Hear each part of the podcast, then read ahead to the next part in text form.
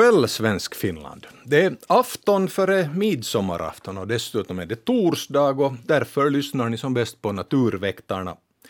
Det betyder alltså att det ända fram till klockan 21 ikväll finns en möjlighet för just dig att få svar på dina frågor om den inhemska vilda faunan och floran. Och de som i första hand kommer med svaren ikväll är Anders Albrecht och Mimma Ekblad. Välkomna.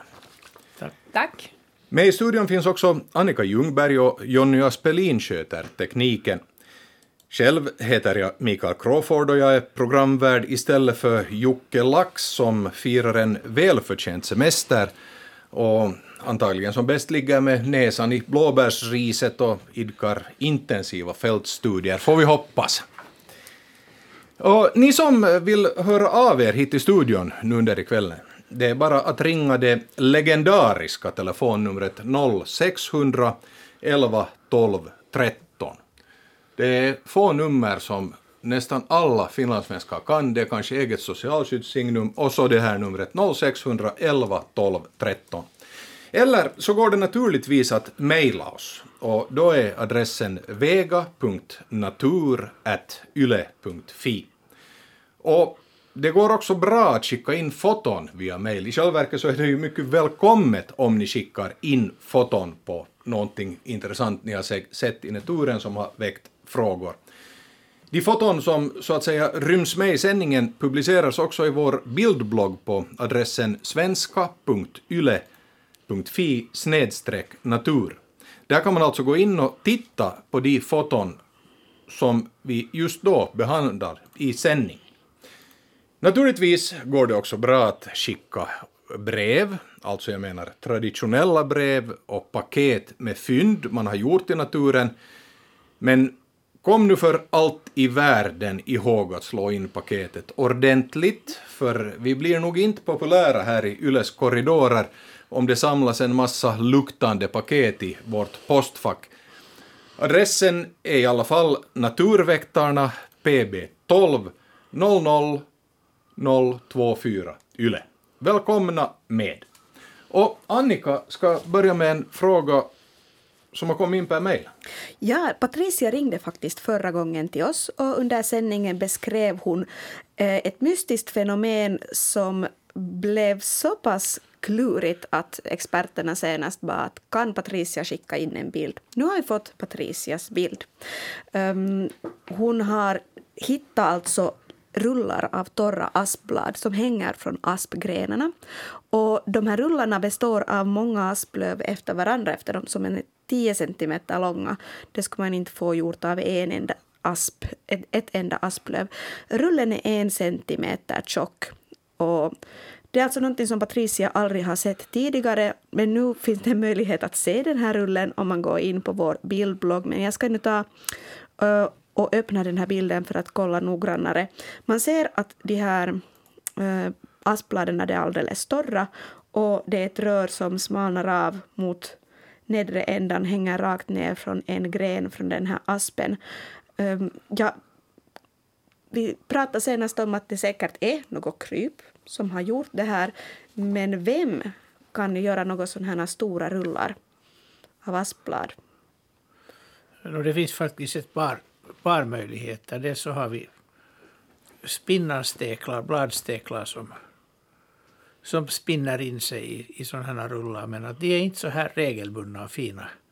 De här är ju mycket harmoniska. De harmoniska nästan... och sen, sen är de ju avbitna eller tvära i ändarna som, som en äkta cigarr ska vara. Och det är rullvivlar som gör det, alltså skalbaggar.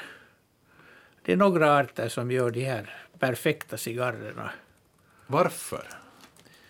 Den, den lägger ett ägg in i det här och sen är det meningen att det, det ska falla till marken. Ibland, ofta biter de av men att den blir att hänga ändå. Och dess larv kommer att utvecklas i de här torkande löven. Så hela den här cigarren, om vi kallar den så, den ska alltså falla till marken? Den ska falla till marken och larven lever där och skyddas av snön och ut kommer nästa år en skalbagge. Så det det finns nu där är ett ett vitt eller, runt, eller rött minimalt runt ägg. Nu tänkte jag just att hur stora är de här äggen om den här rullen på riktigt är så stor som på den här bilden? Eh, tio- Okej, den ser på bilden större ut eftersom astbladen inte är fullt utvecklade i det här skedet. Det kanske gör att det här uh, förefaller större än vad det egentligen är. Och den, det brukar vara ungefär 10 centimeter långa. Mm. Men säger jag rätt att har den här viveln brutit av grenen på något vis så att jag tycker den här grenen verkar så att säga avbruten och vinklas rakt neråt. Jo, alltså den, den biter av den. och är det just för att den sen ska kunna falla Ja, ner? och för att, för att bladen ska, ska vissna utan att, utan att trädet ska knycka näringen ur dem. Jaha. Om man skadar ett blad så då suger ju trädet tillbaka näringen. Därför bryter den av huvudtillförelsen. Hur vanliga är de här? Jag kan inte komma ihåg att jag själv skulle ha sett en sån här i naturen. De är mycket vanliga. Så det har bara undkommit mig. Ja, och det är ju inte så, det är ju inte så hemskt länge, en liten vindpust så faller de ner och, och så ser man inte dem. Men att kommer man i rätt, i rätt tid medan de är gröna ännu, de här bladen, så, och rullar upp så kan man hitta baggarna inne. En av de vanliga arterna är röd och svart och sen finns det ett par sådana gläns, metallglänsande grön, grön bronsglänsande otroligt vackra djur. Så bladvivel är då svar Rull, på rullvivel. rullvivel är, är svaret på Patricia Hackmans fråga. Och nu väntar ett samtal. Hallå, hallå! Det här är Jan-Erik Solvin. Jag ringer från Nykarleby skärgård. Hej. Häromdagen så hängde från taket en mycket liten boll, kanske en centimeter i diameter. Det hängde i en, en spindeltråd som i en påse. Och jag tror att den var svart med en massa gula prickar. Så att den, den såg egentligen både svart och gul ut. Och så tittade jag på den här en stund och så tog jag i tråden och la ner den på en bräda och då föll den ihop och så kom det ut en massa små gula kryp. Det var nästan som om mannagryn skulle ha fått fötter. Vad var det här? Ja, mannagryn med små... Ja, de var aningen större. De var aningen större, men, men och nu hade jag ju inte någon linjal, men om de nu var en millimeter långa Ja. eller knappast två, men och förskräckligt mycket var de. Ja, den, den här bollen var en... Den, den En- kanske var en centimeter eller, eller ungefär som man skulle tänka sig två kaffebönor ihop. Ja. Ja och det det- hängde som i en påse, det var som en, en, en, en spindeltråd från taket, alltså det var ju utomhus där. En spindel från, från taket och så var det som den skulle ha varit i en påse, men det var nog svårt att se det, men den var, den var, den var, det- jag tror att den här så att säga, basfärgen var svart, men det var så mycket gula prickar på den så den såg ju nästan gul ut, men det var nog svart emellan. Anders. Ja, ja, alltså det var en spindeltråd den hängde i och den här påsen Ja, var, ja, var, ja, påsen var, var spindels äggkokong. jaha, jaha. Och de här äggen fanns inte mera utan de har kläckts till larver. Antagligen var det en korsspindel som, och larverna är då klargula och svarta. Ja, ja, ja de, här, de här som jag såg som kom ut därifrån, då, så de, de såg mest gula ut. De är, alltså den, den är gul med ett, ett svart streck på, på ryggen. Ja, men de var så små utan glasögon, så det såg Ja. jag. Det kan nog hända att det behövs närmast ett mikroskop för att riktigt se. Ja, de var små var de. Och Och de, var de är ju när de klä- kläcks från ägget så är de otroligt små. De, Ja, de, de bor där en tid och vaktas av, jaha, av, jaha. av mamman och, och det där. Om allt går rätt till och man stör dem så sprids de ut alla åt var sitt håll. Och så jaha. kommer de tillbaka dit igen. Ja, ja. Nå, jag la den som sagt, det här la jag ner på den här brädan och, och så föll det ihop och så kom det där så mycket och så eh, vif, viftade jag bort alltihop och så var de försvunna. De, ja, de, de far ju sen. Ja. De far ju Alltså en, sen- korsspindel. Det är korsspindel, ja, de, de far ju med vinden sen. De spinner Jaha, en jaha. tråd upp i luften och, Ja, ja. och vinden tar dem. Det är, det är intressant att jag har aldrig sett sånt här där förr. Alltså här på, på, på sommarstugan har jag som aldrig sett det där förr. Så nu är det alltså tanken då, Anders, att de här, eh, gående mannagrynen ska klara sig ensamma i världen? Jo, jo de, de, de, de, har, de har mamman där några dagar bara. Jaha. Ja. bara medan, jag, jag vet inte vad hon, vad hon lär dem, antagligen hur hård världen är. Men att, men att sen, sen ska de klara sig ensamma. De sprids Ja, av vinden. Av vinden, ja. Ja, ja. ja, men alltså det var en korsspindel. ja. Ja, bra. Tack. Tack. Tack. Jan-Erik. Ja, korsspindlar har vi då. Vandrande mannagryn. Men eh, Patricia Hackman, som alltså frågar om, om de här asplöven, hon har också skickat en intressant bildserie på en snok och en padda i ett dramatiskt möte. Annika. Ja, det, mm, det som Patricia beskriver är att, vad, hon, vad hon fotograferar i söndags hemma hos sig i Pujo. En snok som är så gott som en meter lång när hon rör på sig har tagit en padda. Aldrig sett något liknande. Eh, vi har alltså fått tre bilder av, eh, från Patricia och de två första bilderna visar en snok som har eh, paddans huvud i munnen men bakkroppen ser vi ännu sticka ut så här är måltiden på gång när Patricia har stött på den här snoken första gången. Men sedan beslöt sig snoken att paddan var för stor och lämnade den. Och paddan var då allvarligt skadad och dödsdömd. Mm, Snoken den tycker ju Patricia fortfarande att det är fantastisk och har följt med snokens förfarande efter det också. För senare så har hon fotograferat snoken en gång till. Antagligen for hon tillbaka efter paddan för paddan hade försvunnit och nu ligger hon och vilar under tiden hon smälter maten. Vilken måltid! För hon är så tjock. Och det är någonting vi ser på den tredje bilden som Patricia har skickat in åt oss.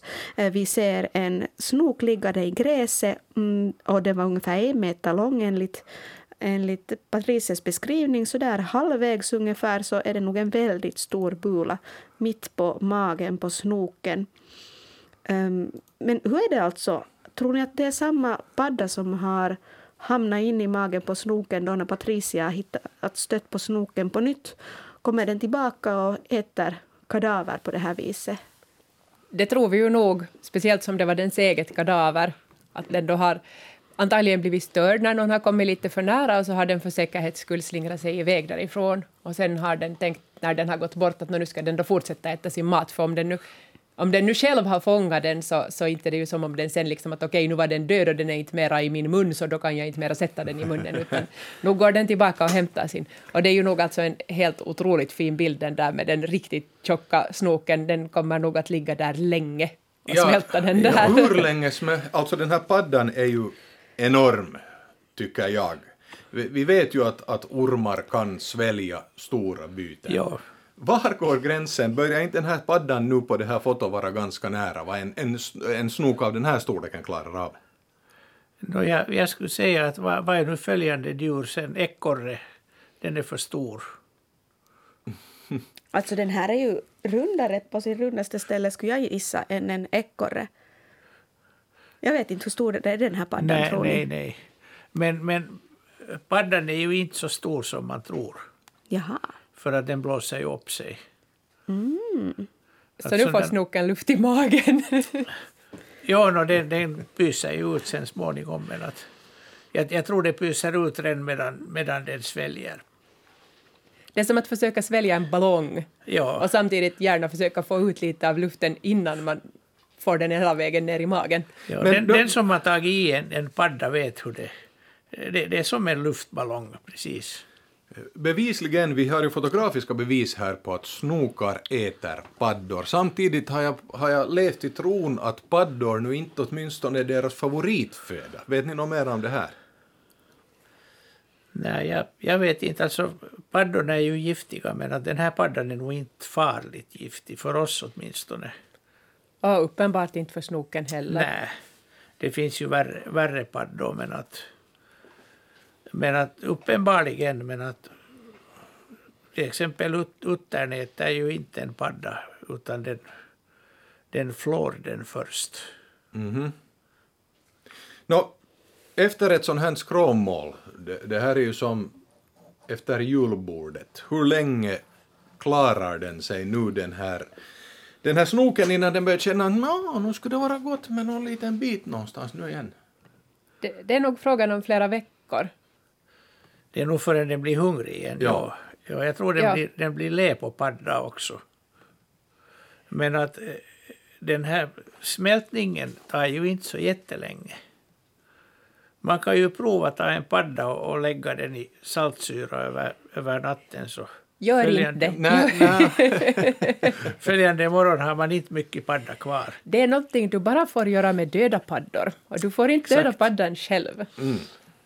Man får inte faktiskt störa dem ens.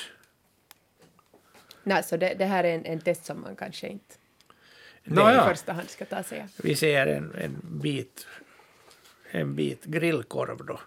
Mm. Den, den varar inte länge i saltsyra. Den vi är håller, vi, den är vi har ett, fridlyst ett, ännu ett, åtminstone. nytt samtal på kommande. Hallå, hallå! Ja, hallå? Det är, det är Maud från Eckerö, Åland. Hej Maud! Hej! Och jag såg en lite underlig fjäril. Ja, den, det måste ju vara en nattfjäril. Den Jaha. är svart längst ut på vingarna och avlånga, liksom avlånga svarta bollar, ringar liksom. Sen kommer det vita avlånga ringar och sen svarta. Och sen är hela fjärilen svart och ljus under. Det låter en otroligt exakt beskrivning Maud det här. Ja, Ja, tack. Kan, kan du ta på nytt? Jag följde inte riktigt med. Alltså längst ut var den svart. Den var svart på yttre vingarna liksom. Och sen kom det vit och sen kom det svart. Och så vitt och sen var hela kroppen svart. Och under till var den ljus. Ja, och hur stor var den? Ja, nog kan det ha varit en, två, en och en halv centimeter tror jag. Det vill säga inte speciellt stor. Nej. Svart på vitt botten och svart kropp om jag förstår Maud rätt. Jo, jo. Svart. och- Otroligt vacker. Hade den något i rött också? Kanske längst ut, längst bak. Längst bak. Ja, jag funderar om det ska kunna vara någon, någon björnspinnare. Jaha. De är ju färggranna. De är färggranna. Ja, den stora björnspinnan har ju grant röda bakvingar men när den sitter så syns de inte. Och då, då ser man lite bara bak till. Jag antar att den här då Maud satt på, på stället eftersom du såg den så noga att du kunde beskriva den så Jo, exakt. jo, jo. Den, den gick på, på gräsmattan och jag satt ute då. Och alltså den var, den var bara så vacker. Det, sk, det, skulle nog, det skulle nog kunna passa in på en björnspinnare. Men björnspinnare är ganska stora. Ja, den stora björnspinnaren. Ja, Men om det är en liten björnspinnare så är den betydligt mindre. precis. Men den, den har hemskt distinkta färger och är väldigt vacker. Ja, så, ja, så, ja, de har båda alltså lik, liknande teckning. Du kunde Maud försöka leta fram ett foto någonstans i någon bok eller på, på nätet av då en björnspinnare. Kanske det, det är rätt det som experterna här kommer till. Ja, då, då, ska du, då ska du söka på björnspinnare och på igelkottspinnare och för den här lilla heter igelkottspinnare. Ja, då måste ju vara den lilla då. Jag skulle säga Jo. att den, den, är, den är nog den lilla och den har betydligt mindre rött. Jo, jo, jo, det, det, det, det stämmer det där. Jo. Fint! Tack för ditt samtal Jo. Maud. Tack, hej. Ha en fin midsommar. Tack detsamma. Midsommar. Mm, hej. Och vi säger hallå hallå! Ja, hej, det är Anita Grönqvist här i Borgå. Hej, Anita. Vårberga tvåan. Jag skulle berätta vad jag såg för en timme sedan här på vår gård. Vi bor i egnahemshus. Och det var, det var någonting så vackert. Det kom en gräsand med sina ungar. Och det är ju jättelångt, det är ju två kilometer ner till ån. Hur många de klarar sig? Ja, äh, gräsanden lever ju inte nödvändigtvis i ån, den klarar sig ju ganska små diken också har jag sett. Är du säker Ja. att den inte råkar bo där? Här är, här är annars eh, många egnahemshus och, och häckar och gräsmattor och sånt men så är här ju trafiken också klarar de sig. Men så var här en, en skata och den flög här över om och jag, men sen såg jag inte när de for, for förbi här att, att klarar de sig utan att skatan for iväg? Är det så att skatan kan ta en unge? Spatser, gick de så där efter varann, gick ankorna i gåsmarsch? Vad sa du? Kom de alltså promenerande i rad? Jo, de promenerade med mamman i radio och for över gräsmattan här mitt på gården för en timme sedan ungefär. va, vad säger Anders och Mimma, är skatan ett hot? Ja, det är den. Mot gräsandsungar. Jo. Utan vidare. De var nu i alla fall då på väg, de, de, de var mycket målmedvetet på väg från en pöl till en annan pöl. Ja, eller från boet till vatten. Precis. Det, det kan vara flera kilometer ifrån om det vill Just det, sig. att de, de ska gå ända till ån om de ska, och det är ju faktiskt två kilometer härifrån. Om där inte finns något, men Här finns inte annat, nej. Det, här är inga bäckar och inga någonting. inga diken eller... Nå, Pölar. Viken kan jag säga kanske. Det finns någonting i skogen där, där är en liten skog nog emellan också. Men, Ja, men jag men att- funderar bara att, att tänk om de... Mamman är ju jätteduktig, hon kan ju nog klara sig, men att det där skatorna är ganska elaka. De kan ta det, upp. det kan komma en skata eller kråka och Jo, ta en unge. Inte- Inte kan hon någonting åt det. Men hon har nog Men- gjort ett medvetet val när hon har gjort sitt bo så där långt Nej, bort det- ifrån vattnet. Och jag sa till min man här, Carl Gustav, att kommer du ihåg att det är säkert över 20 år sedan som, som det där som vi såg, som grannen såg likadant. Och han, han menar att nu, nu tror, trodde han då att den klarar sig. Men hoppas att den klarar sig. Sannolikt klarar hon sig och, och, och åtminstone ett par av ungarna. Jo. Ja. Det, är- det är ju känt att de här fågelungarna lever otroligt farligt. Ja, ja, Ja, sen när hon kommer till ån så sen, sen är måsarna där och, och hägrarna. Ja. Men det är nog så underbart att se dem. Och jag har nog satt ut vatten när det varit så varmt här åt fåglarna. Fast de har flyttat nog. De är ju i skogen nu för tiden men, men vatten behöver de ju. Det ja, speciellt när det de. blir en värmebölja så då Ja. är det nog, då är det nog skäl Jo, det blir så. Och Och insekterna blir badar också glada. allt. Jo. Det blir de, ja. Vatten är Aj, jättebra. roligt. Men vi ska, Roligt att höra. vi ska hoppas att gräsandsmamman med sina ungar Jo. klarar sig. Jo. Ta- ja, det ska vi hoppas. Jo. Tack ta- tack för samtalet, Anita. Jo, tack. Hej då. Och Annika, Följande fråga kommer från Janne på Jomala på Åland. Är inte det här en albino skogssnigel? Råkade se den under en promenad efter lite regn och albino skogssnigel låter jättespännande. Och så man kan föreställa sig så är det en alldeles vit eller sån här gräddvit, gräddgul snigel som vi ser på bilden som Janne har skickat in åt oss. Den klättrar bland fuktigt gräs och torkad bark och, och lite löv, lite mossor ser vi här.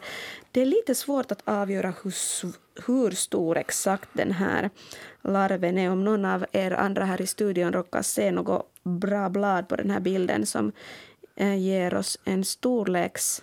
jag, försökte, jag försökte titta på de här täcke av fjolårslöv där den kryper och, och som du säger så det är lite svårt att exakt ja få de här inte- inte är det proportionerna. någon liten. Nej, jag, jag uppskattar nog att den är nog långt över 10 centimeter. Det är, Ja. en, det, är, nog en stor snigel det här. Den ser mycket spännande ut för att den, den, den är kritvit så att säga, speciellt mot de här Ja. bruna, bruna eh, löven.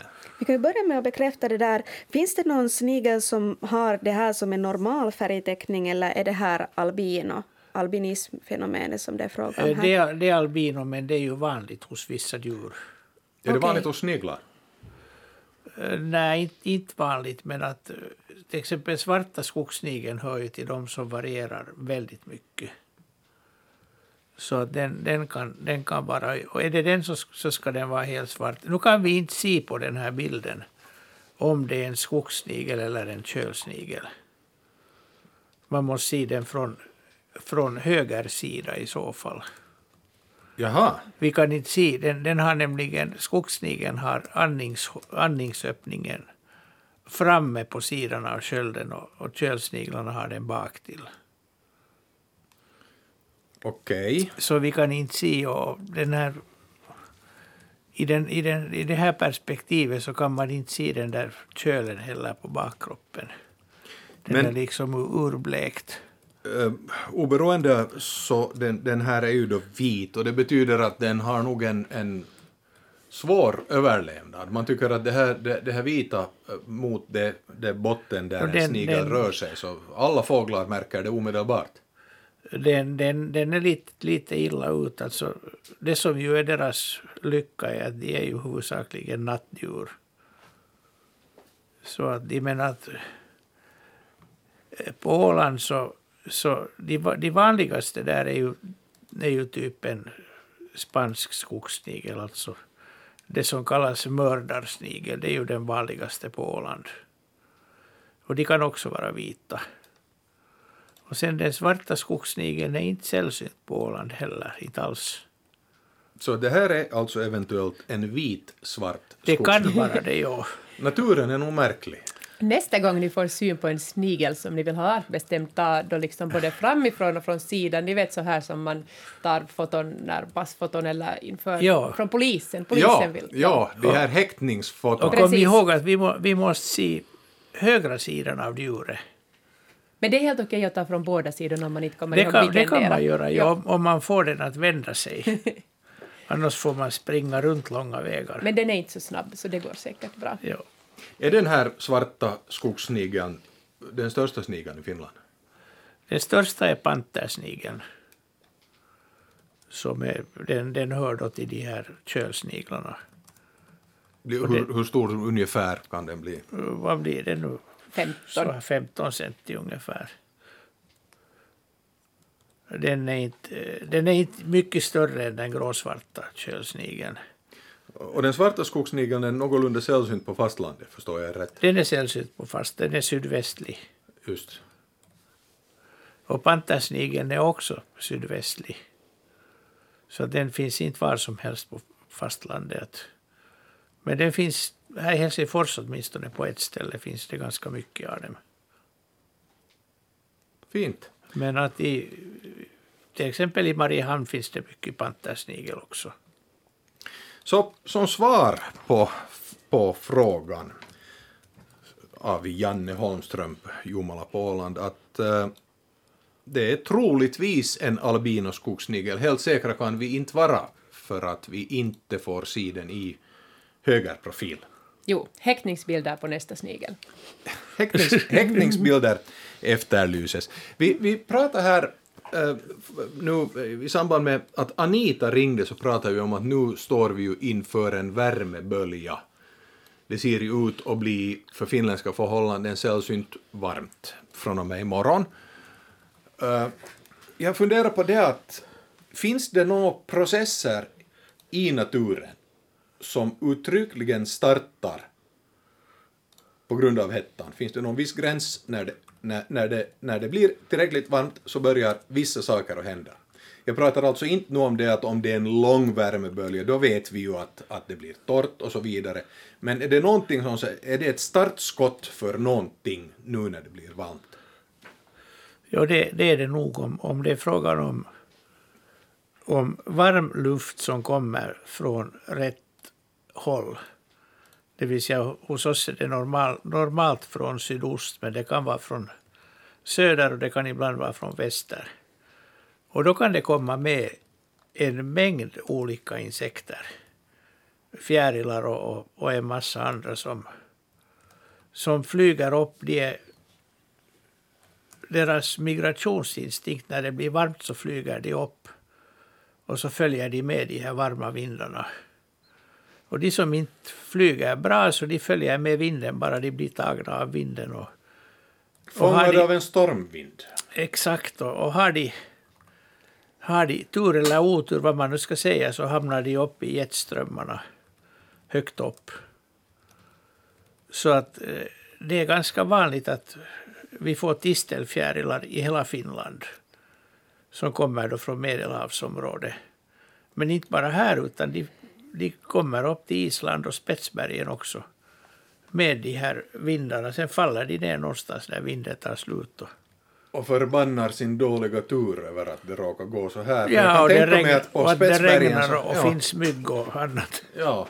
Nå, hur är det med sån här, eh, alla stugägares eh, kära vän, bromsarna till exempel, Va- va- vaknar, kommer de, kläcks de av värmen? Jag tycker att den allmänna erfarenheten är att när det blir hett så tar det en dag och så vips så, de, de, kläcks, de kläcks nog normalt sin, sin tid när de, när de ska kläckas. Och det är antagligen till, till fotoperioden, alltså ljusdagens längd som det. Men de aktiveras ju av hettan de tycker om värme. utan vidare. Ja. Det är liksom... Det är något helt annat när det är varmt. Så då kan vi glädja oss åt, får vi sällskap när vi hugger ved och sånt här snart. Till exempel, ja. Men å andra sidan trivs inte myggorna när det är hemskt varmt, så vi kanske slipper hemskt mycket myggor. Det är sant, ja. My- Myggorna trivs, men de hittar inte oss. Ja, precis. Hur är det, man, man tar igen på gungorna det man förlorar i karusellerna, det är är så det fungerar. Eh, vi har ett samtal på inkommande. Hallå, hallå! Hej, det, det är Patricia Hackman här igen. Jag, Hej jag Patricia!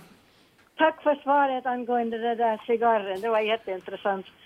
Um, men uh, jag ska berätta nu en annan sak som hände just kanske 15-20 minuter innan programmet började. Och, och, um, och jag ska inte ta upp av mera tid av programmet för jag har redan varit det länge. Men um, jag, jag, jag var i telefon med någon och sen um, jag brukar alltid titta genom fönstret och sen mitt i allt på den här björken som står på en liten udd um, mellan var jag brukar bakom, äh, parkera äh, min bil bakom varje... bakom varje, no, var jag var jag brukar parkera min bil och sen äh, på andra sidan finns vägen. Och sen jag, jag tittade där under samtalet och sen märkte jag plötsligt en mörk nedre kropp och en, en buskig svans som klättrade upp på den här björken och jag tänkte va? och, så jag hade aldrig sett den tidigare. Så nu har jag en annan invånare i det här trädet äh, med andra fåglar och så vidare. Men, och, hoppas inte en ekorre för, för jag tror att den far illa.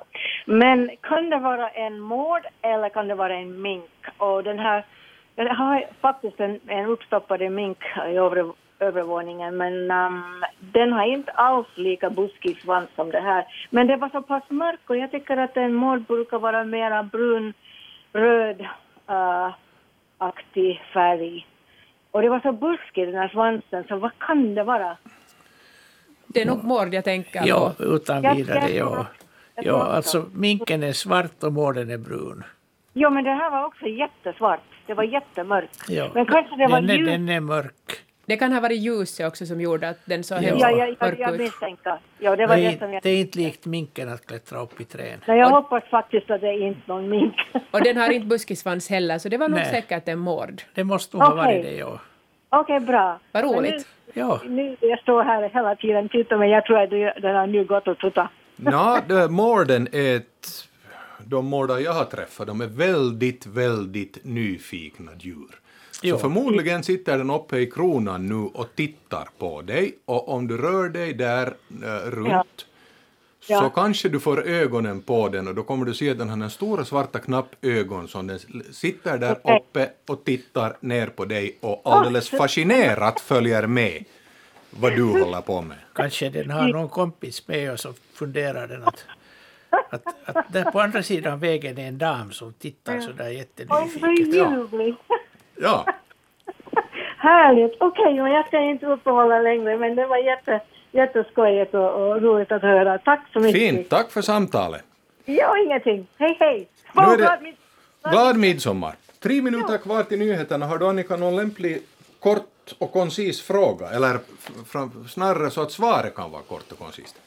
Eh, vi tar en fråga som Ulf har skickat in. Noterade i veckan en ensam skrakmor som följdes av hela 19 ungar. Är antalet normalt för skraken eller samlar den på sig andra honors ungar? Ska med intresse följa med om antalet minskar under sommaren av predatorernas inverkan. Det, observationen är från Bromarv, Padva. Ja, Mimma. ja, skraken den, den lägger liksom sådär runt plus minus tio ägg själv, men skrakar hör till de här som är lite magneter, de kan samla på sig andra honors ungar i ganska stora mängder också. Jag såg faktiskt häromdagen en, jag räknade hur många den hade och jag jag kom till 23. Jag är inte helt säker på att jag lyckades få det riktigt rätt, men den hade över 20 ungar. Och, och det är ju inte så här som ejdrarna som samlar sig i stora grupper och, och tar liksom hand om flera familjer på en gång, utan det är en hona som samlar på sig. Är det, är det då så att de här, hur ska jag säga, de här främmande ungarna, har de blivit moderlösa av någon anledning? Eller har de bara bytt mamma, flyttat hemifrån? No, dels kan det ju vara sådana som har tappat sina föräldrar, men att, men att de kan nu helt enkelt också liksom kapa åt sig. De kan kapa, och sen, sen kan det nog vara flera honor också med. För att de, de jagar i flock. Skrak, skrakfamiljer med ungar kan köra in, in små fisk i, på grundvatten. Kan de ha något barnvaktssystem så att en, en jagar och en vaktar flocken? Nej, jag, jag, tror, jag tror att de här honorna är, de är ganska själviska och de roffar åt sig de ungar de Men vad är det för nytta av att roffa åt sig ungar? För det är ju för, för att, för att de, de jagar ihop fisken, de, de liksom drar not. Jag har, jag har i, är, det, är det barnarbetskraft de utnyttjar? Det, det, ja. jag, har, jag har sett storskrakar i Nordnorge och det var, det var kanske 200 skrakar. Och där var några vuxna och resten var ungar. Och de, de bildade ett band och så simmade in mot grundvatten och där kokade av fisk och där tog de för sig sen. Men Mimma, 23 ungar, hur, hur kan den, man tycker att den, den av nödtvång skulle tvingas tappa bort dem eller ja. vansköta dem på något vis? När man vet hur svårt det är att hålla reda på fyra så inte kan den ju hålla reda på dem allihop. Jag tror Nej, den, att... den vansköter ju dem och det, det är de som följer henne.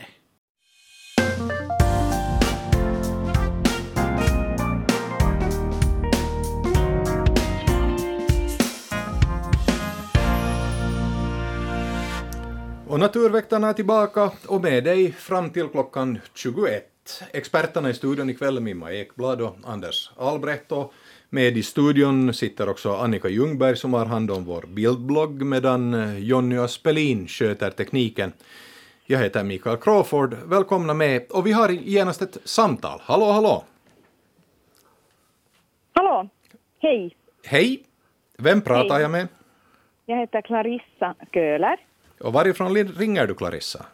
Jag ringer från Hitis skärgård. Fint. Och jag har en fråga. Det gäller knölsvanar eller knölsvansungar. Mm. Vi firade förra veckoslutet här och då hörde vi på lördag svanar äh, slåss. Du vet när man hör, man, vi såg inte men de flög och härjade och hade sig. Och så gick det en tid och efter det såg vi i flera timmar två svankullar, eh, alltså ungar. En kull med två och en kull med fem ungar och de var utan föräldrar. Och vi hade alltså tidigare sett att här fanns två, två kullar, eller det finns hur många som helst, men de här var här nära. Att, att kan de här föräldrarna ha lämnat sina ungar när de slogs, för de kom inte tillbaka, så vi såg de här små ungarna länge. Och de, har inte, eh, de är fortfarande föräldralösa där? No, nu är det en vecka senare och, och, vi har inte varit här hela tiden men de var, alltså, de var ännu följande dag föräldralösa. Då såg jag två, alltså de här med två. Mm -hmm. Och de var lite olika i storlek de här ungarna. Att uh, de här fem, de här femlingarna var lite större och de här tvillingarna var lite mindre. Men de rörde sig delvis också i flock, alla sju tillsammans att, att de, de sökte liksom trygghet hos varann och en var lite ledsen och pepp. Men äh, frågan lyder alltså att kan de här klara sig? För jag tror att de här föräldrarna inte kom tillbaka. om de där föräldrarna inte kommer tillbaka så då klarar de nog inte sig. Inte om de är så där små. De behöver nog någon som tar hand om dem. Okej. Det var en av det var- dåliga föräldrar. Vi får hoppas att de hittar tillbaka. Ja, Jo, men jo, de vad, vad har hänt? Ja. Nå, om Alltså, de de, har... de, de slogs, alltså, jag, jag, jag googlar ju som många gör och jag, jag hittade att det har skett i norra Sverige 2019 något liknande i Haparanda. Att, att två svanpar har slagits och lämnat unga men det var större unga baserat på den här nyheten. Ja, och det normala är ju att, Ja. att de inte alla dödar varandra. Ja, alltså att någon borde liksom ha blivit över. Någon borde ha blivit över. Någon borde ha vunnit. Ja. Om inte det har kommit någon annan, till exempel en, de har varit så aktivt inne i sitt slagsmål att de har blivit överkörda av en bil eller någonting sånt. Nej, nej det är omöjligt. Här, här är, vi, är, vi är på en holme. Så det, Väldigt det, intressant. Överkörda Ja. av en rev. Ja, Eller det, ja, eller här är kanske snarare då mink eller, eller sånt. Men, men då var, det var ledsamt att höra. Jag hade hoppats att vi skulle kunna kanske hitta en, en ny svan, mamma eller pappa. Alltså det är väl inte omöjligt att någon annan skulle adoptera dem. Det, det kan de göra. ja, nog, att, ja. att bara de hittar en vuxen åt sig så har de nog chans att överleva. Det vill säga svanarna kan göra som, som Skrakav just pratade om, då, att adoptera varandras ungar. De gör inte så där aktivt att de skulle gå och stjäla varandras ungar, men jag kan tänka mig att en, en svan som är utan ungar kan liksom låna någon annan sen om det, eller det vill säga ta hand om en som har blivit utan. Och Clarissa berättade just här att de hade ju rört sig tillsammans tidigare. Jo, alltså de var, de var i samma, ja, de var nära varann. Nog. Det finns ju mycket knölsvan nu. Eh, överallt tror jag. Och därför, de är ändå lite sådär territoriella och därför blir det så mycket slagsmål eftersom Jo, de, de, jo. de vill liksom Ja. ha sitt eget område. Ja. Men att de, de matar ju inte sina ungar eller... De behöver ju inte ta hand om, de, de behöver bara vara i närheten. De, ja, Ja. ja. ungarna kan nog äta men att det finns ändå så många som tycker att det är jättegott med en liten svanunge. Att de, Jo, Ja. jo. de behöver det där skyddet. Men att då kan, då kan de hänga med. Jag tror inte de kör bort ungar. Just. Ens, men då tycker jag- ungar. Ja, jag tänker hoppas att de har hittat nya, nya föräldrar, att de förstår sen att flytta bort och vad de nu allt gör. Vi hoppas att de har hittat någon som kan vakta dem. Ja, men, men, men övergivna blev de. Alltså det, det är vår slutsats, för de var så länge utan och det var ju tråkigt. Men, men det där hoppas att, att det aldrig händer mer. Vi hoppas att de hittar någon. Men det är alltså ju inte heller omöjligt att de här föräldrarna, om de har hamnat någonstans riktigt långt borta, att de sen, Ja. har, att de sen kommer tillbaka några dagar senare. Då finns det en stor risk att någon av ungarna har hunnit gå åt, men kanske någon ändå är vid liv. Så, så svan, också- ett svanpar ja. kan vara borta från sina ungar länge och, ändå Ja. komma tillbaka. Det är nog meningen att inte göra det. Att det ska nog hända Nej. någonting speciellt för att de ska göra det. Att det är inte någonting som de liksom aktivt gör. Men man kan då hoppas att de sen ändå letar efter den här ungen som de har tappat bort. Man kunde ju kanske tänka sig, om vi nu spekulerar i, i svanarnas eh, inbördes fejder, att det, det, det svampar som förlorar den här kördes bort och därför håller sig borta nu, men kommer tillbaka när den här segrande svanen så att säga lite vänder ryggen till. Just det. Man kan hoppas det också. Vi får hoppas det, Clarissa. Jo. Tack för ditt samtal. Tack. Tack själva och glad midsommar. Glad midsommar på dig. Och vi har ett nytt samtal på kommande. Hallå, hallå! Jo, det här är Rune, Rune Lid från eh, Norra Kyrkset, Lappböle. Och Hej! jag tänkte bara berätta att vi har haft en, ett, ett tranpar här hos oss i fyra, fem år, eh, fyra år åtminstone. Och det där, och den, den och nu i år så såg jag en, en, en det var en, en, som jag skulle tro att var en tranunge, det är ganska högt gräs, men att den, den var alena och gick där på, på höåkern och var så här grå, gråbrun och, och det här och, och så på det viset såg min- såg inte liksom ut som en vuxen trana. Men att eh, den, den såg så stor ut annars så att det tydde på att, att det kunde ha varit en tranunge, inte vet jag säkert. Det var nog, det var nog säkert en tranunge. Tranorna har ju ungar nu. Jo, Ja, det, så det här, Det har det, de. men det är första gången som vi har sett att de det här tranparet har fått något eh, fått några ungar så att vi blev riktigt glada. Vad härligt. Och de, de är ju ganska bra på att gömma sig, de här ungarna, så det är alltså helt möjligt att de har haft ungar också tidigare, att de bara har varit där i gräset så ni inte har lagt märke till dem. Men det var ju ja. jätteroligt att den kom fram nu så att man kunde se men- den. Ja, det var, det var därför jag bara som en, in, som, som en kuriosa, ingenting vidare. Jag tänkte att då vet ni om att vi har haft ett tranpar här flera år. Vad härligt. Ja. Det var en god nyhet. Tack Rune för ditt samtal. Och, och glad, äh, glad midsommar. Tack detsamma. Vi hörs och syns. Tack, hej. Vi kan ta en mejlfråga här emellan. Eh, Berit har skickat följande fråga. Vid vår sommarstuga i Kärlax i Närpes har vi noterat en ny bekantskap i vår vita syren. Spindeln hade en blomfluga i sitt grepp. Den sitter fortfarande nästa dag i samma blomklase och väntar väl på nästa offer. Och vad är det? Och det är väl inte skadligt för växten på tomten eftersom den har animalisk diet. Och Berit har dessutom skickat en bild som är verkligt fin. Fina vita syrenblommor och en underbart en jättefin spindel med en underbar ljusgul färg. Och dessutom har hon fint lyckats fånga också den här eh, insekten som spindeln håller i och hon misstänker att det skulle vara en blomfluga. Vad är det för spindel och vad är det den har fångat? Det, det här är alltså en, en sån sorts spindlar som inte bygger något nät ut sig, åt sig, utan deras, deras grej är att de sätter sig i en blomma och så försöker de se ut som den där blomman. De brukar då välja blommor som är samma färg som de själva, så den här är ganska vit. Och så sitter de där, de heter alltså krabbspindlar, för att de, de har fötterna på ett sånt sätt att de ser ut som krabbor. De håller, nu, nu, nu gestikulerar jag här, vilket ingen av de som är i studien ser, men de håller alltså händerna så här fram, två främre ba, det där benparen som, som, som en krabba ungefär, och så sitter de bara och väntar på att någon ska flyga in i famnen på dem när den vill komma dit till blomman, och så hugger de till och så äter de upp den. Och de är naturligtvis inte farliga, eller liksom de, de skadar inte blommorna överhuvudtaget, men de gör av med olika insekter. Blomflugor är förstås bra att ha i trädgården, men Anders kan säkert berätta mer om krabbspindlarnas hemliga liv. Eh, ja, ja, vi kan ju börja med den här. Den här heter blomkrabbspindel. Och den, den, om den här fortsätter i den här vita syrenen så nästa gång den har bytt hud, om den byter ännu, så kommer den att vara vit. Helvit. Helvit. Kan den välja vilken färg den, kommer den, att bli? den, Den kan den beror på var, var, vad den sitter på när den byter hud. Är den, är den på en grön växt så blir den grön, är den på en gul blomma så blir den gul. Den här har antagligen suttit på en gul. Jag gapar så ont i käken, för det var någonting helt nytt. Man har hört om exotiska kameleonter som byter färg. Ja, men alltså den kan inte byta. Utan den, det är bara när den får en ny hud så kommer den att få den färgen som, som den har suttit. Och den, den sitter och lurar. Till exempel i en maskros eller tussilago så kan den sitta på undersidan av blomman så den inte syns. Och så kommer ett bi dit. Så hugger den tag och biter i halsen på biet.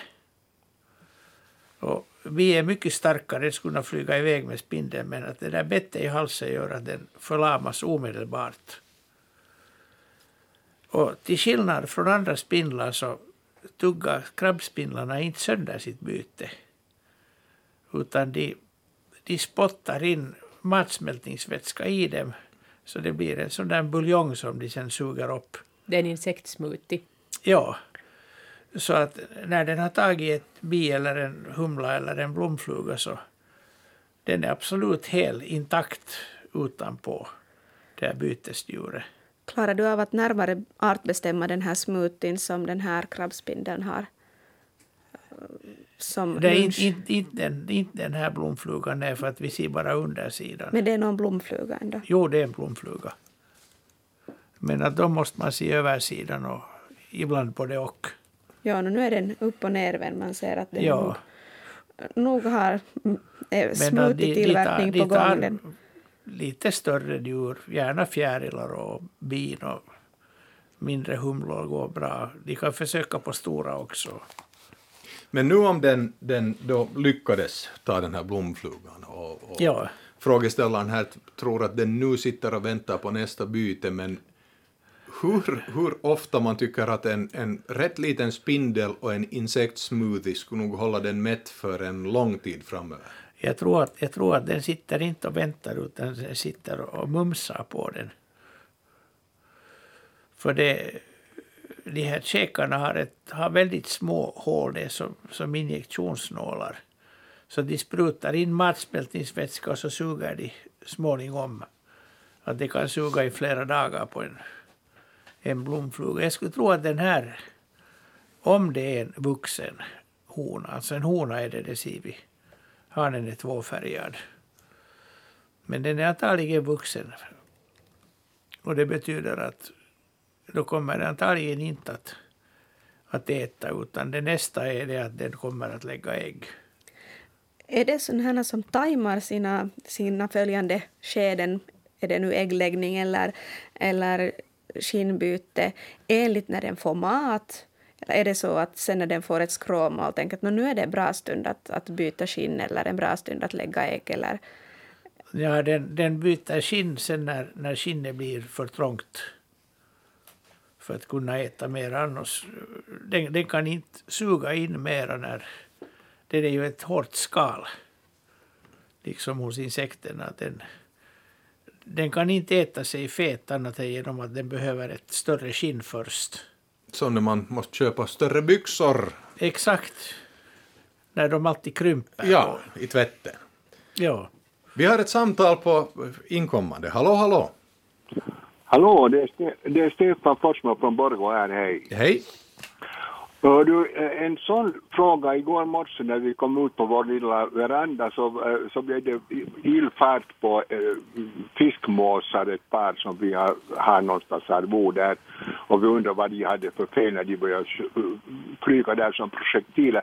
Och så såg vi mitt i allt en liten dudboll där nere på, på gården och det någon unge som hade tydligen ramlat ur bo eller något liknande. Och nu undrar jag, vad har den för odds i livet? Med tanke på alla katter som stryker omkring och kråkor och skator och kajor och annat. Vad har den för odds? Vet ni var den hade sitt bo, den här fiskmåsen? Nej, faktiskt inte, men någonstans där nära vår gård nog. Jag tror det var grannens, på grannens pipa. Men ni har alltså ett... Ni, det är alltså bredvid stranden? Nej, gud bevare det är uppe vid, det, på Prästgårdsbacken, det är långt ifrån. Och andra vatten. Men det, det har nu av någon anledning måsarna hittat på att de har nu häckat där redan flera år. Det, det kan nog gå illa för den ungen i så fall. Ja, föräldrarna visste ju nog var den var och de blev, och de, den där barnen den och, och den lydde orden och allting men den kan ju inte, när den promenerar nere på, på marken inte kan den ju ha hemströvda odds. Ja, de får inte tillbaka den i boet på något vis. Nej, det får de säkert inte. Den ska inte tillbaka till boet. Jaha. Men den var ju så liten. När, när, de, ju- de kläcks så då hoppar de ut ur boet. Aha. Utan att kunna flyga och utan, Utan att går. kunna flyga, ja. Jaha, nåja. Och de, de, helst ska de ju i vatten då, men att det, det är lika farligt där. Ja, ja. No, just Må, så. Jo, måsarna tar de trutarna, hägrarna. Ja. Men vanligtvis där- bor du ju på klippor.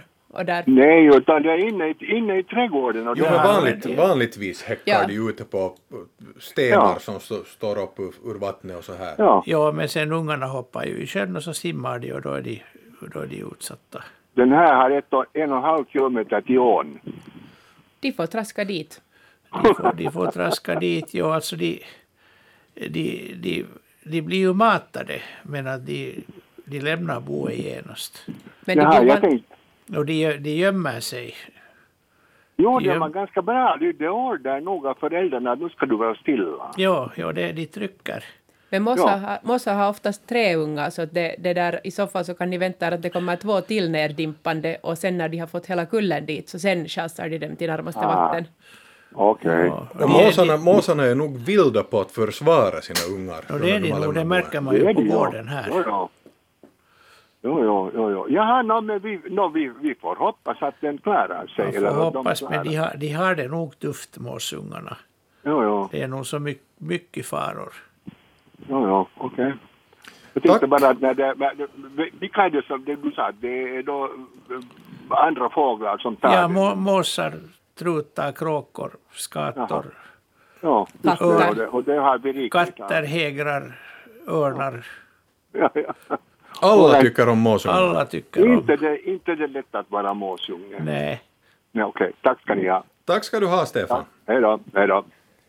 Och vi tar en mejlfråga, Annika. Eh, Vi tar en fråga som Rafu har skickat in. Vad är detta som finns på stammen på en ung tall samt även i små mängder på en plantas barr? Dessa träd ligger cirka 10 meter från varandra. Mm, är det skadligt? Är det en parasit? Vad är det som händer? Platsen är Borgå, Vässölandet vid havet. Och Rafu har skickat in flera bilder, varav två finns att se på vår bildblogg, men Mimma och Anders har haft en möjlighet att titta på de övriga bilderna. Så det är då någonting som jag tycker att ser ut som två olika fenomen. Vi ser stammen på en tallplanta som är täckt av orangea fjäll och där strax intill den grenen med orange så finns det också rönnlöv. Och på rönnens blad så finns också de här mm, samma orangea färg, sådana här små fläckar. Och så finns det också några vita fläckar också på den här eh, på den bilden med tallstam och, och rönnblad. Men sen bilden intill, det som Raffe också har skickat in, så ser vi mm, tallens barr som är täckta med små klumpar. Jag skulle kunna tänka mig att det skulle kunna vara klumpar med kåda, men de sitter liksom på barrerna längre ut och inte är kring stammen, så, så det kanske nu inte är kåda. Är det om, handlar det om ett fenomen eller två olika fenomen på de här två bilderna som jag tog som exempel? Eh, Det är hur du vill. Alltså det, det är fråga om rostsvamp i båda fallen. Mm. Är det samma rostsvamp som gör... Eh, Det Ser olika ut. sannolikt inte. Okej. Att den här på stammen är antagligen en som heter törskattesvamp. Och som är allvar, allvarlig, ett allvarligt skade, skadegörare på tallplantor och tallar. Medan den här på barrerna så det, det finns flera, flera rostsvampar som, som har ett mellanstadium på, på tallbarr. Och de är nor, normalt helt oskyldiga. De gör inte någon större skada för tallen. Men att den här törskatan den, den hämmar tillväxten och de missbildas. Så, så det är inte bra. Jaha, hur sprids den? Finns det då en risk att, att om, här- om man har här- den på en tall så har man snart den i alla tallar? Ja, det här, det här gula pulvret det är sporerna. Sprids den nu till den där rönnen eller, eller är det bara så att de har råkat landa Nej, där det, jo, de... ja, ja, alltså sporerna sprids till rönnen men de kommer inte att växa där. Nu minns jag inte hur det var med törskatan, att byter den värld också, men i alla fall inte i rönn. De, är, de har, de har olika, olika världar, de har ganska komplicerade förhållanden, de här rostsvamparna. Normalt måste man mikroskopera sporerna för att kunna artbestämma dem. Så här räcker det inte med att vi får in några, några bilder från olika vinklar, utan nu... Det, det, det, Det- blir, det, blir inte, det blir inte bättre med det. Nej, det, Men så, så långt kommer vi. Och har man inte ett bra mikroskop så kommer man inte desto längre med, med själva svampen. Om man inte är specialist på de här. Men jag tror att törskattesvamp är helt tillräckligt nära. Jag tror att det är nära, Ja. ja. vi nöjer oss med det. Ja. Eh, 0611 12 13 är alltså numret till studion och som sagt här nyss, den som har lyckats ta ett foto av något intressant fenomen i naturen får mer än gärna mejla oss foto till oss på adressen vega.natur.yle.fi. Och ja, nå, vi vet ju alla hur svårt det är att fota naturfoton och vi kräver ju på inget vis att de här fotona ska hålla proffsnivå. Eh, samtidigt så är det bra om man, man skickar flera foton på samma objekt ur olika vinklar. Och, Precis, profil och, och gärna något som också klargör proportionerna, ett, ett måttband eller en tändsticksask eller, eller någonting där man kan jämföra så att säga och få en, en bild av hur stort det här objektet är. Eh, alla de här fotona publiceras inte nödvändigtvis på vår bildblogg som ju alltså finns på adressen svenska.yle.fi natur, men nog de ett foto eh, från just det här ämnet vi behandlar så att alla kan gå in och titta på det och själv se vad det är vi diskuterar här i studion. Och nu ska vi diskutera ett foto på en fladdermus, eller vad Annika? Ja, det är Håkan som har skickat in en, en jättefin bild på en söt kompis, det vill säga en fladdermus som sitter hopkrupen på någonting som då antagligen är en vedklabbe. Höll på med att kasta in staplad ved i vårt vedlider när jag hittade en dagvilande fladdermus, skriver Håkan. Vilken art kan det vara? Självklart flyttade jag fladdermusen till en annan vedapino. Och dessutom så kan jag nämna att det syns lite avföring här på den här bilden också som då antagligen är skulle jag använda, eller sådana här korvar som jag gissar skulle vara fladdermusens avföring. Men en söt hårig liten kompis som sitter ihopkurad så vingarna ser man inte mycket av. Um, ser man någonting som man skulle kunna gissa storleken på den här? Vad är det man ska titta på för att känna igen en fladdermus? Hur går vi tillväga här? Det finns inte hemskt många fladdermusarter i Finland och vi har en fem kanske som är vanliga och det här borde vara den som är allra vanligast av dem. Den, den känner man igen, den heter nordisk fladdermus eller är det så att den har bytt namn till nordfladdermus nu? Men någon, någon där av den ska den heta.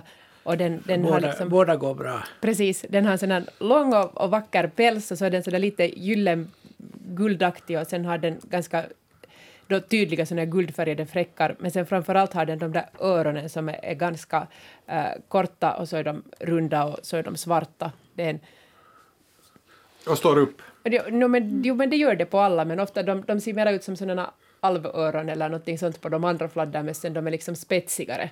Det här, är Ah. som, det här är som musöron, att något väldigt små. Det är ju inte som, som sorkens öron som är förhållandevis små till kroppen, Nej. utan det här är sådana nog Ja, rejäla, men tydligen så... Jo, den, alltså de är ju stora jämfört med andra djur, men för att Ja. vara fladdermus så är de är små och nätta. Men det, här det här är den som ser mest normal ut. De andra är som något Aliens. aliens. Ja. Ja. Har ni någon teori om varför den vilar sig så här på en öppen plats mitt på dagen? Var den inte i en ved? Ve- Hög. ja. Den, den, den har säkert blivit skrämd. Mm, Eller kan det vara så? Men han, Han, kast, han kastat klabbar dit. Och, men eller- Håkan sa också att han flyttade den till en annan vedapinna, så det kan ju hända att Håkan har flyttat den här före den, den har fotografering. dinglat, dinglat fast där mellan klabbarna. Och, Den har antagligen varit Ja. mera gömmande och sen Ja. har den då plötsligt kommit fram. Är det här ett vuxet exemplar? Eh, jo. Ja. För ungarna kan ju hamna... Jag tänkte nämligen så därför att man ser ju att det är en, en eh, bred vägg målad med, med röd mylla där Ja. i bakgrunden. Och då drog jag slutsatsen att där förmodligen finns ett mellantak. Och där trivs de ju bra. Och så tänkte jag, nämligen jag, det är något år sedan när jag, när jag gick och badade. Vi har, jag har fladdermöss i mellantaket där under bastun. Och sen gick jag i vanlig ordning in och badade och satt uppe på laven och så tittade jag mot fönstret. Det var en stor nattfjäril jag har här i bastun. Så tittade jag lite närmare. Nej, det var det inte, utan det var en fladdermus. Och det var en fladdermusunge och jag antar att den på uh, ungars vis var smått konfys och hade tänkt klättra in under mellantaket men i själva verket lyckas ta sig in i en liksom i själva bastun där vi har bakväggen. Som ni vet så en träbastu är Ja. aldrig alldeles... De kommer ju in genom väldigt små springor, de fladdermössen. Och jag tänkte att det kunde vara en förklaring till att den, den är på ett sånt här ganska konstigt ställe för en, för en fladdermus. Men inte det är egentligen ett konstigt ställe, för den kan bra vila över dagen i en vedhög. Jo, den kan vila i vilken springa som helst. En fråga jag måste ställa när vi nu diskuterar fladdermöss som, som har förbryllat mig. Vet man nu redan var de övervintrar, fladdermössen? Jag, har för- jag, jag har för mig, jag kan hända att jag är felinformerad här eller att jag har någon gång i tiden har läst en, en föråldrad bok, men att, äh, att forskare inte är alldeles säkra på var de övervintrar. De, de vill ju ha någon slags tunnlar, brunnar eller någonting. De övervintrar i vår skorsten. Dit far alla Finlands fladdermöss. Fint. Och de, de, finns, de finns i, och också i grottor och betongbunkrar och, och, och på husvindar bara det bara det är lämplig temper, att det inte blir för stora temperaturskillnader. Och en del flyttar ju söderut. Det, det finns det är på gång på vallsörarna en stor sån där fladdermusforskning just nu. Därifrån kommer det intressanta resultat. Och där har det ju visat sig att då, åtminstone de här arterna som inte är så vanliga i Finland flyttar över till Sverige. Jaha, de flyger över viken? Ja. Och ner, ner över Finska viken också flyger de. Kanske inte från Valsöra. Vi har ett samtal. Hallå, hallå. Hallå? Hallå? Du pratar med Naturväktarna. Okej, bra. Ja, det, jag heter Tom och jag bor här i Sonasund i Ingo. Hej Tom. Och, och det där, jag har en fråga. Jag- Jag har ett bekymmer att jag bor här på en udde här eh, vid en havsstrand och, och, och det där.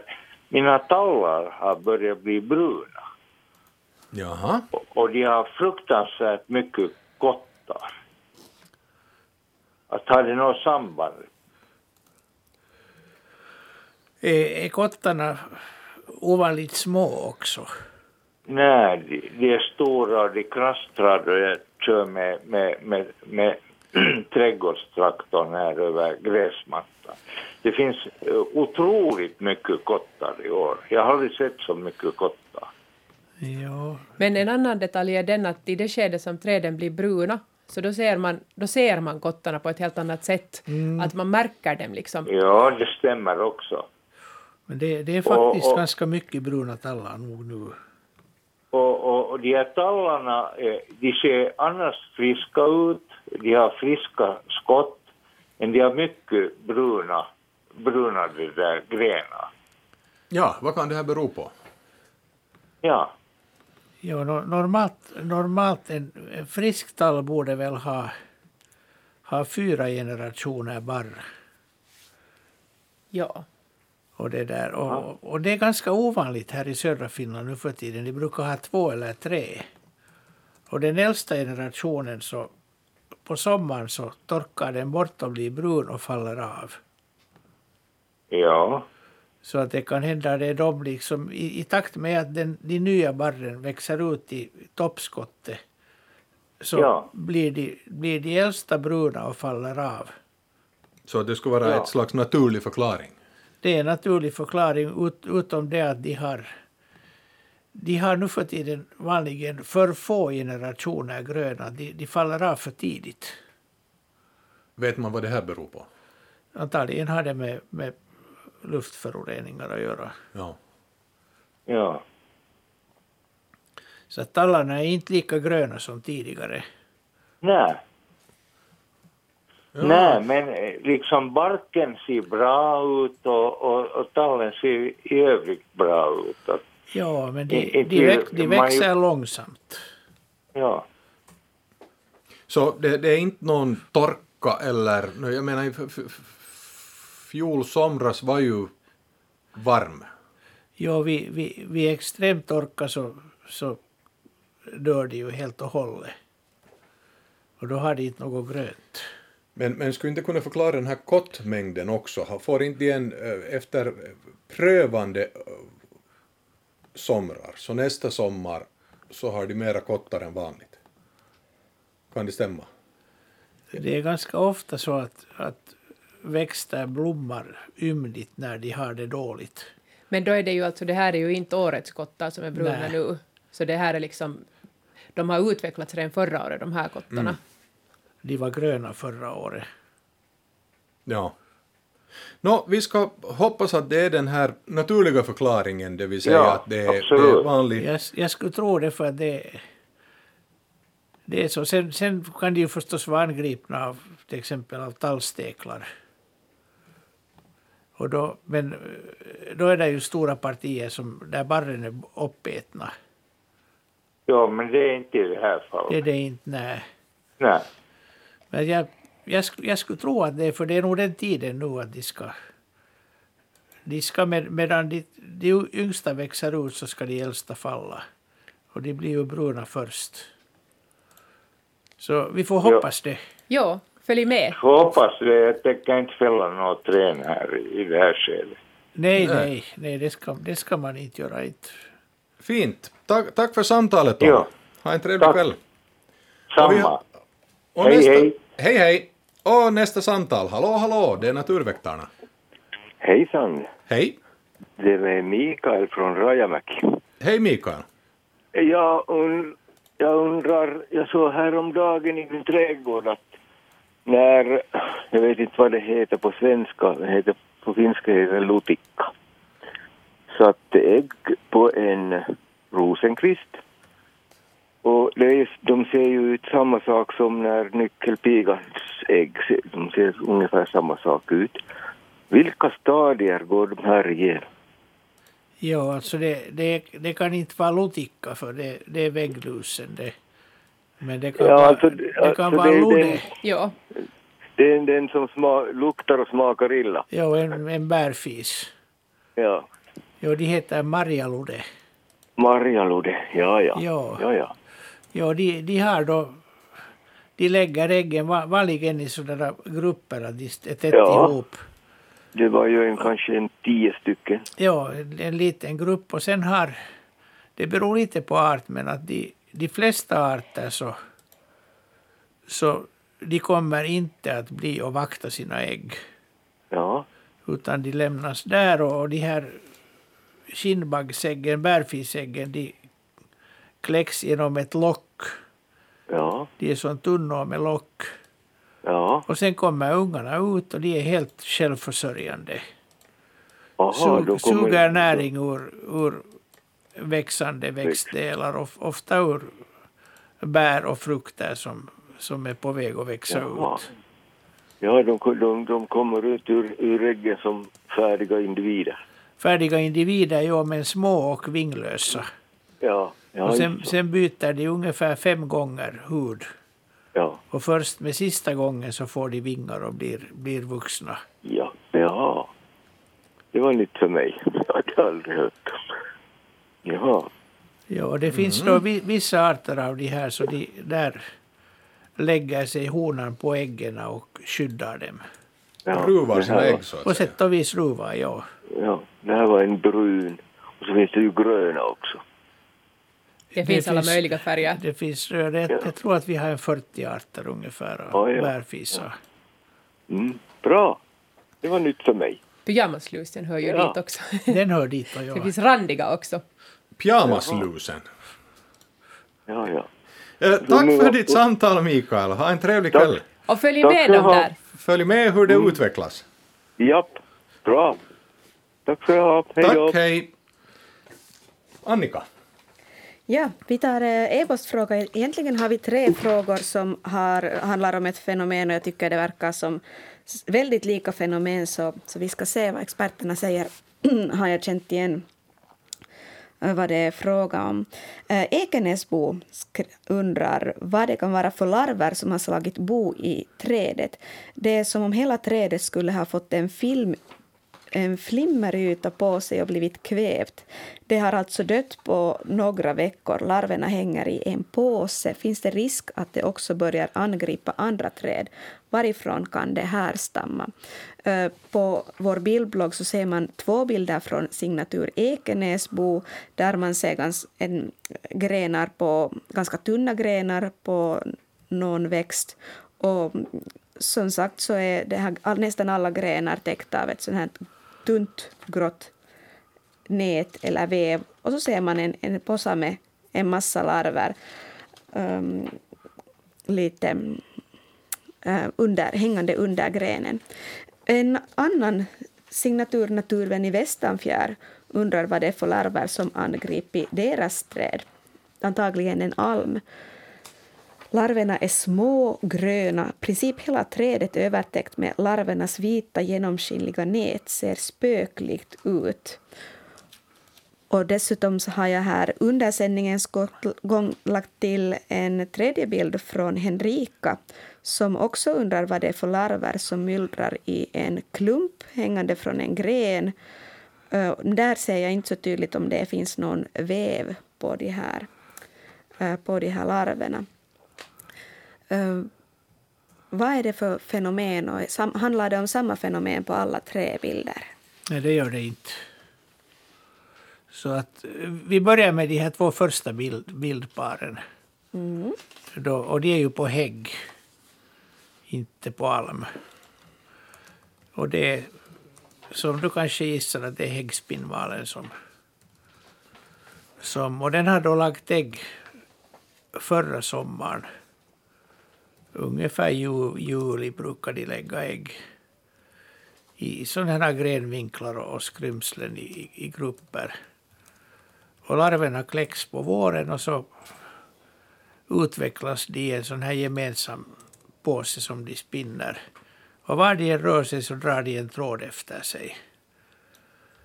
Och så kilar de omkring över hela trädet och äter upp. Ofta äter de upp vartenda ett blad på hela trädet.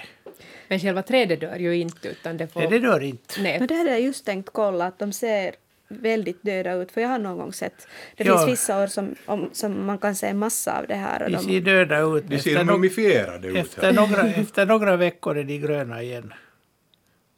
Och vissa år så finns det bara helt jättemycket av dem och det här verkar Ja, då kanske det här bli ett ett sånt sånt år. år. Det här är ett sånt år, ja. Men det blir som Ja. spökskogar sen att nu har jag ändå Ja. sett liksom bara Och enstaka det, träd. och det, det är bara för att de drar den där tråden efter sig var de än går. Va- Vad är den här funktionen? Vad va, vad vinner de på att dra den här tråden efter sig? Om, om någon fäller dem så blir de att hänga i tråden och så klättrar de upp igen. Ah, För att hamnar de på fel växt så dör de. så de kräver en hägg? De, de kräver hägg och faller de ner så är sannolikheten att de lyckas hitta en hägg igen nästan noll. För de, om de kommer ner på marken så klättrar de upp och det är ju nästan alltid ett grässtrå man kommer. Om man från marken börjar ta någonting som växer upp. De har en säkerhetslina. De har en säkerhetslina och, och, och nu kommer deras parasiter att leva gott på det här. Och betyder att nästa år är det nästan ingen mera kvar. ja, då finns det så mycket parasiter som är redo att, Jo, att ta emot de där larverna. ja. Men, Men- de, de kommer då att flyga nu i, i juli ungefär flyga en kritvit fjäril med små svarta prickar. Det är väldigt vacker. Den ser ut som Pippi Långstrumps häst. Exakt, ja. Herr Nilsson. Nej, Lilla Lilla gubben? gubben. Lilla gubben är Ja. det, ja. just, just på samma sätt är den vit och så har den svarta prickar. Så. Ja. Men det finns en andra, andra spinnmalar också som ser lika ut, så man ska inte... De är inte alla häggspinnmalar. Ja, men det, det är den med den här andra.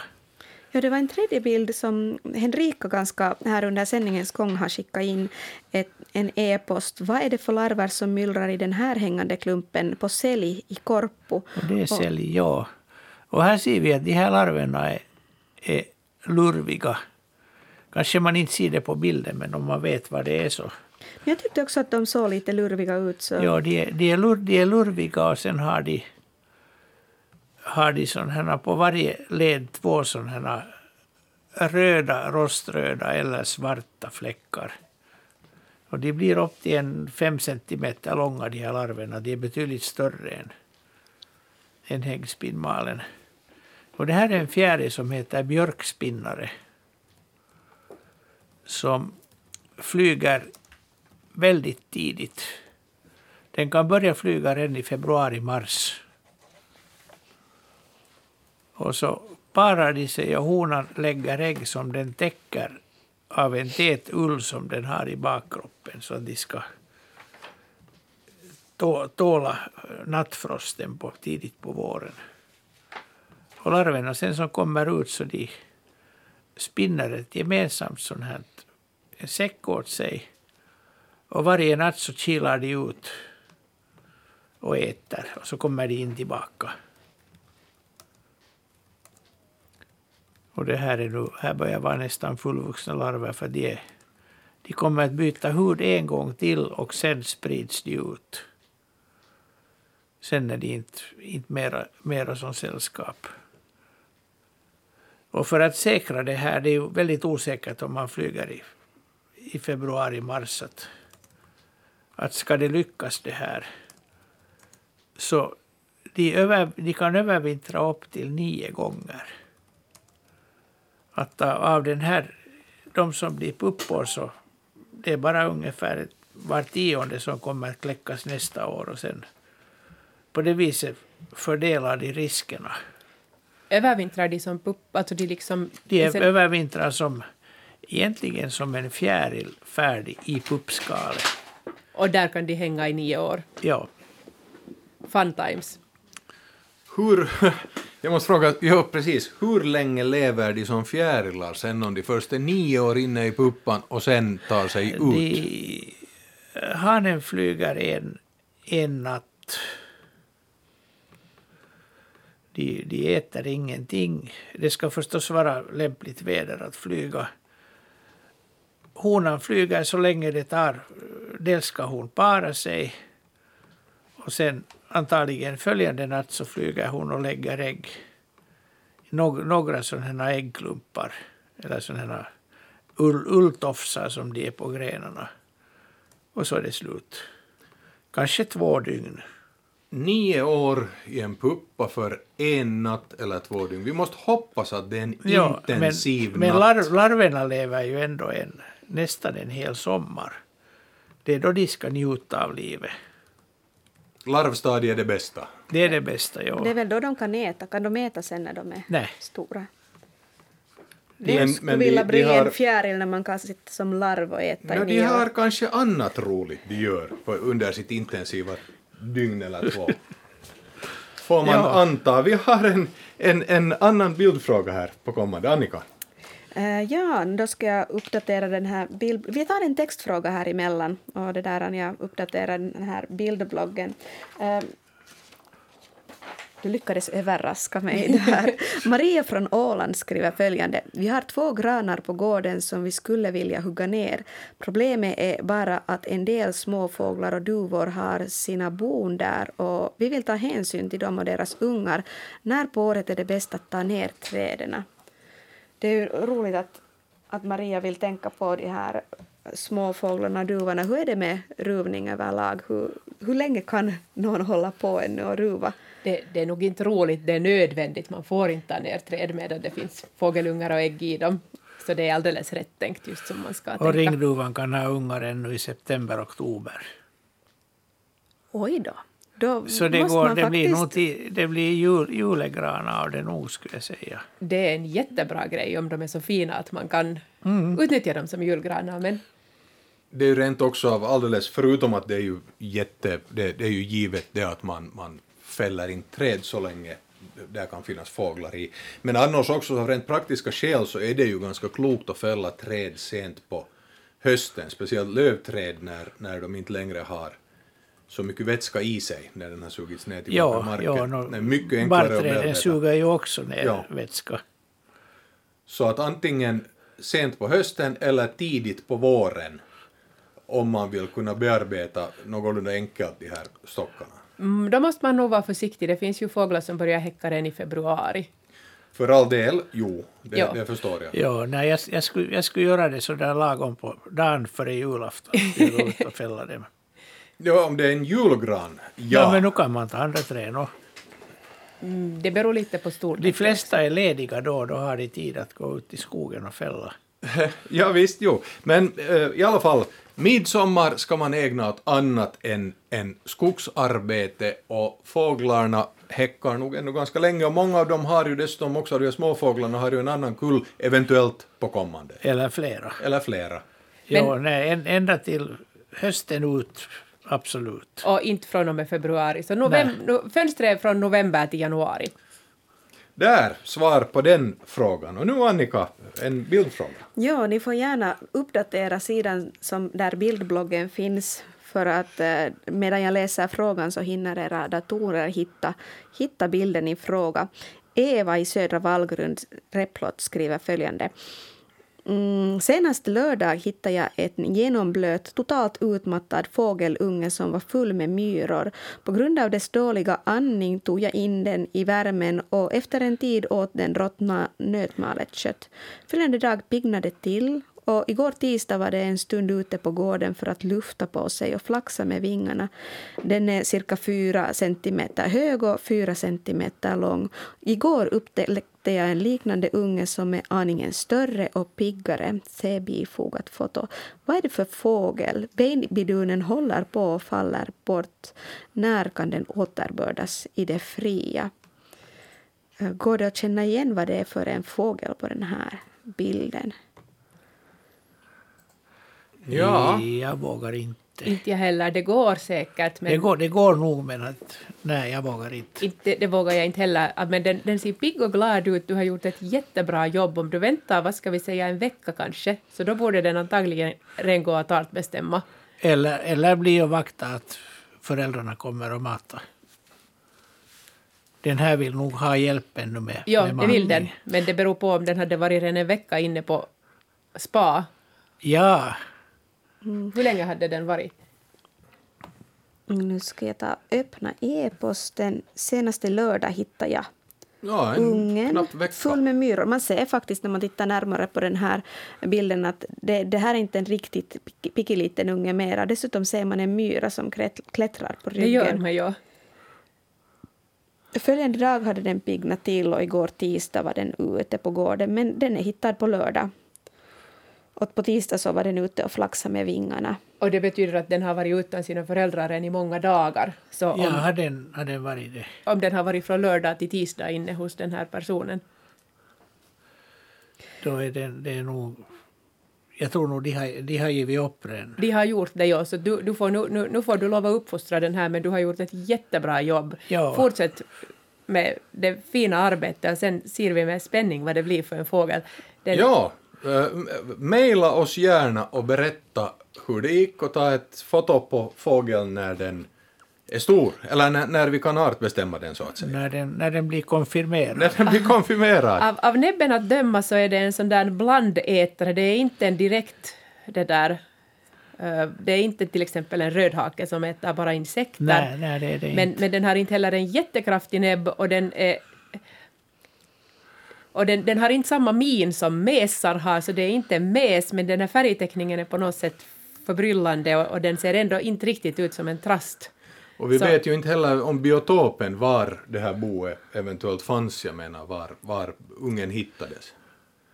Det skulle också underlätta den här artbestämningen. Men vi får låta ärendet bero och tror och hoppas att vi ska kunna bringa klarhet i frågan ännu den här säsongen. Nu väntar ett samtal på kommande. Hallå, hallå! Hej! Hej! Jag såg en björn igår kväll när jag var ute och gick Jaha, var någonstans gick du? i Pormo. I Purmo. Grattis, säger vi till det. Det var första gången i mitt liv och det, det var sällsynt skådning. Jättefint. Ja. Jag tänkte om jag skulle se några ungar, men det såg jag inte. Kanske du hade tur då? Ja, jag tror också att det är nog bäst att, att se en björn utan ungar om man får välja. Jo. Men Jag berätta, fundera, berätta, var hur gick det här till? Gålar. Och det, det, var, det kan jag tänka mig var ganska farligt för det... Ja, det vet du, det kan ju åka på ungar och... Som är ute och leker. Om ni förstår vad jag menar. Den, den går nog säkert bort därifrån, de brukar inte trivas i närheten av människor. Den, Ja, no, jag var bara fundersam på det, det, det var lite... Hur nära var du? Berätta hur det här gick till. Vad sa du? Jag hörde Be, be, berätta hur det här gick till. Hur nära björnen var du? Jag var kanske 100 meter ifrån för jag såg den i skogen efter skogsväg så kom den övergåendes över vägen. Ja. Och det var, det var nog skräcksamt. Jag, jag hade hört att man skulle bara ligga ner på backen och... Det, det är bara om den kommer alldeles bredvid, annars så är det nog bäst att bara stå där och gärna berätta lite sakta att du finns där i närheten så att den, så att den inte blir liksom överrumplad. Man får förstås inte skrika men man kan till exempel prata lite så här, no men hejsan morgens och, och här är Ja. jag. Så då vet den att du finns där och då går den antagligen sin väg. Att Ja. den, den kommer på bara om, om den känner sig attackerad eller anfallen om den har ungar. Ja. Men om, om den då var 100 meter ifrån så visst är den nu inte ren att där är människor nära. De, de, är inte de jättekänsliga? Kanske vinden var åt, åt, åt annat håll eller någonting. Det ändå. beror på hur vinden låter. Ja. Har, har man, har man vind, vinden från den så då kan, då kan den nog släppa i ganska nära före det märker. Men du är lyckans ost, det här är, är säkert en fin naturupplevelse. Har, har det varit Ja, det var nog ganska skräcksamt och fint. Jag förstår att man blir skrämd, det skulle jag absolut bli, jag påstår ingenting annat. Men det här, har man tidigare sett varg, eh, förlåt, björn där i Purmomykky, eller var det här alldeles oväntat?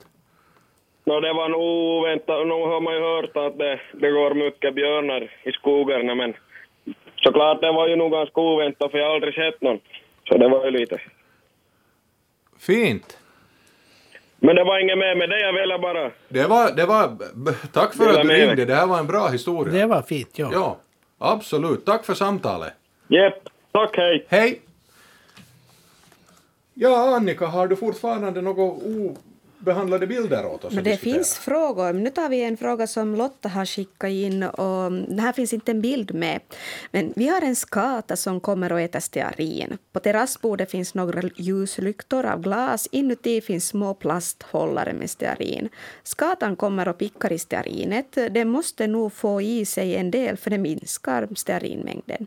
En dag såg grannen en skata komma flygande med en plasthållare i munnen. Skatan lämnade plasthållaren på marken nära sitt bo och nu håller den på att picka i sig av den andra glaslyktan på bordet. Detta har nu pågått ungefär en vecka. Vad är det med stearinet som skatan gillar? Kan det vara skadligt? Det hälsar Lotta från Kolby, Pedersöre. Ja, en skata med aptit för stearin, vad säger vi till det här? Inte farligt är det inte. Nej, och, och det är någonting uppenbarligen som skator håller på med. De, det, det är lite som en talgboll för dem. Att, att till exempel på kyrkogårdar så är det ganska vanligt att det går skator och Mm. kråkor Ja, och, mes, och mesar också. och äter av de här ljusen. Ja. Jaha, och det är då uttryckligen stearin de tycker om. Ja.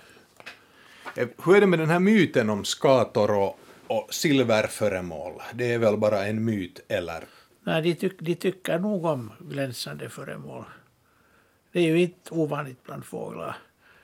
Men att, att kalla dem tjuvar är kanske inte riktigt rätt. Men de, de plockar med sig allt möjligt till boet. De gillar att lite pryda. Men vad kunde den här stearinet... Är det, är det någonting som... De använder det knappast som modellerat i boet. Nej, de äter det. Ja. Mm. Stearin görs väl av, av att man kokar fett på något vis? Ja, det ska- Olika... Ja, ja det, det, det smakar inte alls illa. Ja, har du smakat på det? Ja, ja, Det har han säkert. Jo, det har, det har Du har jag nog smakat det här på måste det säga mesta. att det, jag vet, jag kan inte Ja, det, det, kommentera. det är inte alls något dumt. Bara sådär som en klausul, ni ska inte gå och äta stearin. Det finns bättre saker att äta och Mm. stearin kan användas till bättre saker än att ätas. Sen är det ju ofta det som man tror att det är stearinljus och innehåller paraffin. Ibland Ja. kanske bara paraffin Ja. eller en blandning. Och det är Eller... inte farligt det heller. Men det är antagligen inte lika näringsrikt. Det, det är antagligen det är mjukare, det är kanske, det är kanske smakligare. Ja. Mm. Nå, men finns det nå, något annat skator äter? Eller fin, finns det någon annan sån här... Jag, jag var jätteförvånad över att skator... Mesar visste jag att de, de tycker om att picka på, på. Men stearin? Jo, skat, skator är ju nog så, de, de äter ju allt som vi äter och allt som vi inte äter. Mm. Kan man sammanfatta kort. Sådär i all enkelhet. Allt duger. Ja. Vår tid denna torsdag, afton före midsommarafton, börjar närma sig sitt slut. Naturväktarna börjar tacka för sig den här gången, för den här gången. Speciellt tack till våra experter Mimma Ekblad och Anders Albrecht. Vi är naturligtvis tillbaka nästa torsdag, samma vanliga tid. Fortsätt gärna att skicka in era frågor eller stå var beredda att greppa telefonen och ringa 0600 11 12 13. Men nu, för den här kvällen, önskar vi alla våra lyssnare, hela Svenskfinland, en riktigt glad midsommar.